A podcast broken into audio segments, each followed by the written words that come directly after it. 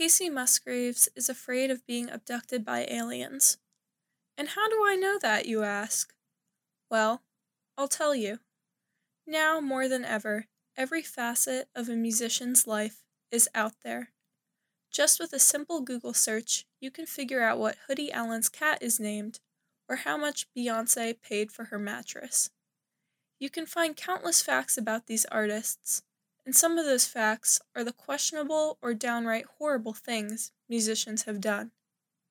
So, what do we do and how do we deal when the face of the music we love does something really messed up? Today, we are talking about what ethical obligations we have when we find out that our favorite musical artist has done something morally egregious.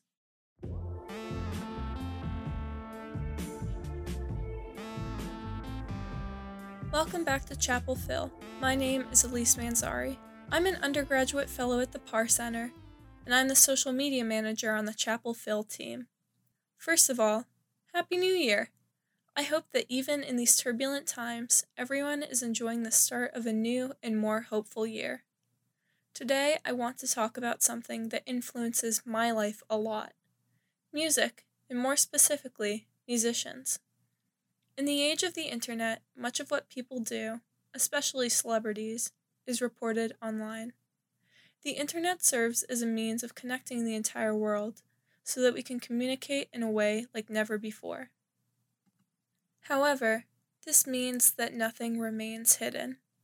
Everything our favorite celebrities do is reported on, and nothing is a secret. Mammoth and undeniably unacceptable cases like the crimes of Harvey Weinstein have led to movements like Me Too. Me Too is a social movement in which people publicize allegations of sex crimes against prominent figures, and the movement has gained more and more traction over the past few years. The Me Too movement has made great progress towards exposing the crimes of the rich and powerful and granting a voice to the victims of these horrible crimes. However, this movement has left music fans unsure of what to do when their favorite artists are cancelled, so to speak. In 2018, I was faced with this exact dilemma. A member of my favorite band, Brockhampton, was facing sexual misconduct and abuse allegations. Multiple women came forward detailing their experiences, which included, horrifyingly, sexual relations with a minor. I did not know how to handle this news. Not only, probably naively, did I idolize this band, but I also listened to them all of the time. I'm talking multiple hours a week. The abrupt nature of the announcement, like any other case of people coming forward with sexual assault allegations, caught me incredibly off guard. My first reaction was to stop listening to the artists altogether, to stop supporting them, and by proxy, what they had done.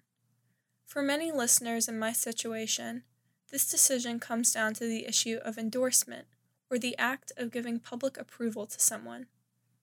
Many people believe that listening to an artist's music counts as endorsement, and that because they don't want to endorse a horrible person, they should cease listening to the artist's music. However, many people, myself included, find it a great sacrifice to completely stop listening to our favorite artists. In this episode, I aim to discuss whether or not we must really make that sacrifice in order to act ethically. First, we need to consider which actions of an artist we believe to be bad enough to stop endorsing them. The types of celebrity actions that cause public outrage vary widely, from artists making an offensive joke to cases of child sexual assault and abuse.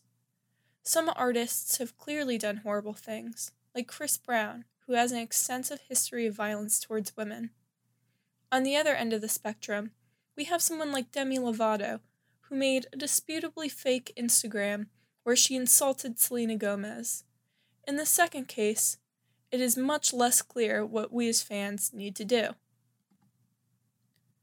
Perhaps one could use a rule based approach to determining whether or not we should cease to endorse an artist.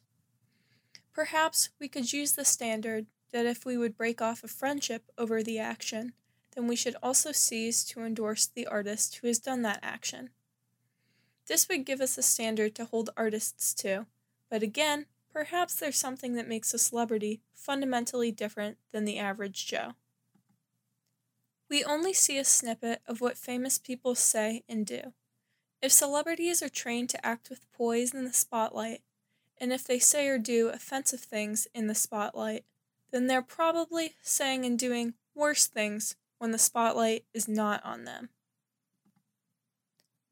So maybe we should leave it up to the individual to use their own moral compass and ethical frameworks to decide whether or not an artist has done something bad enough. Then we move towards another issue. Is listening to an artist's music really a way of endorsing that artist? Some people disagree that listening to an artist's music and being a fan of them constitutes endorsement. Some people think that you can still separate the art and the artist, and that maybe even if an artist has done horrible things, you can still listen to their music because what they've done is not related to their work. For example, Chris Brown isn't going around singing about abusing women, so maybe it's okay to still listen to his songs while denouncing him as a person. This opinion, that you can separate the art from the artist, is a commonly held one.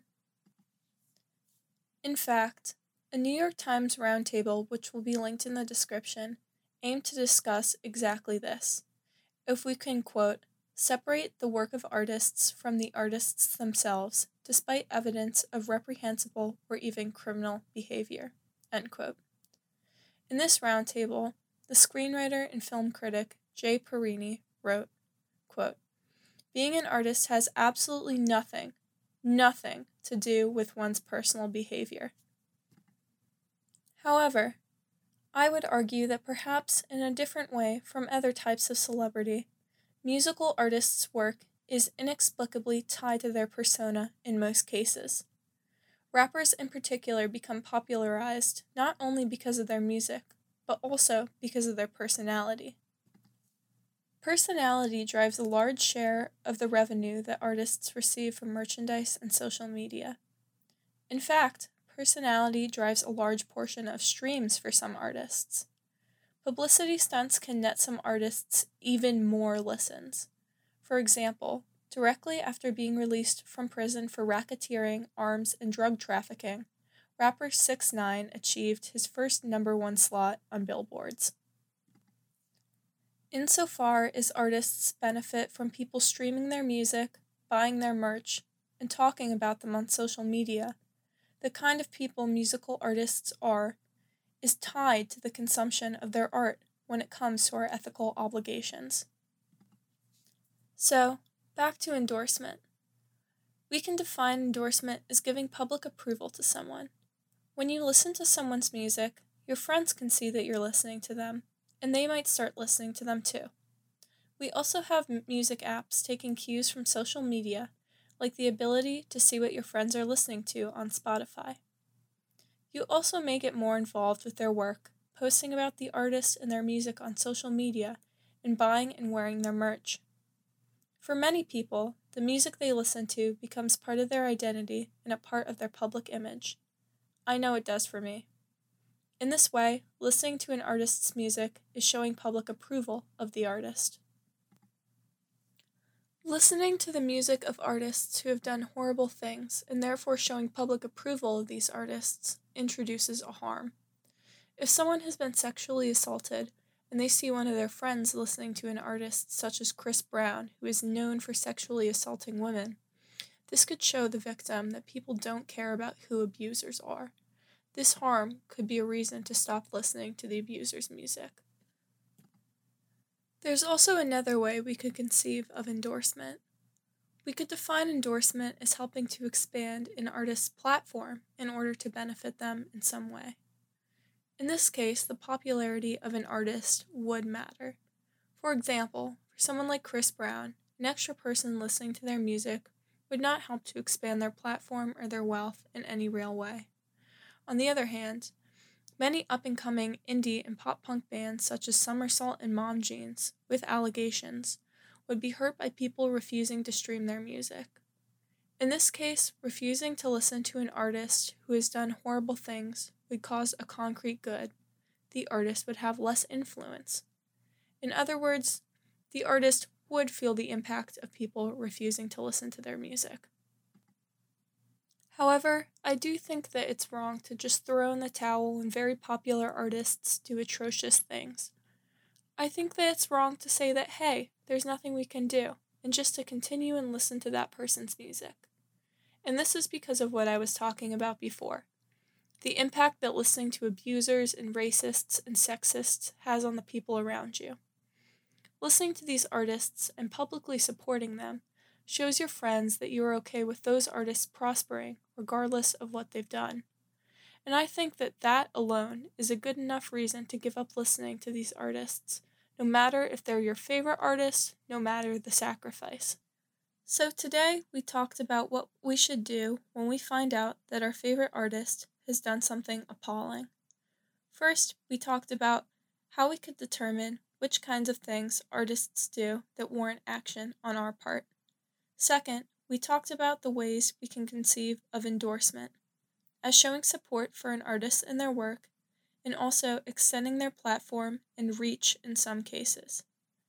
If you get anything out of the podcast today, I hope it is that we should think critically about who we choose to support and what impact that could have on the people around us, even if that means giving up music that we love.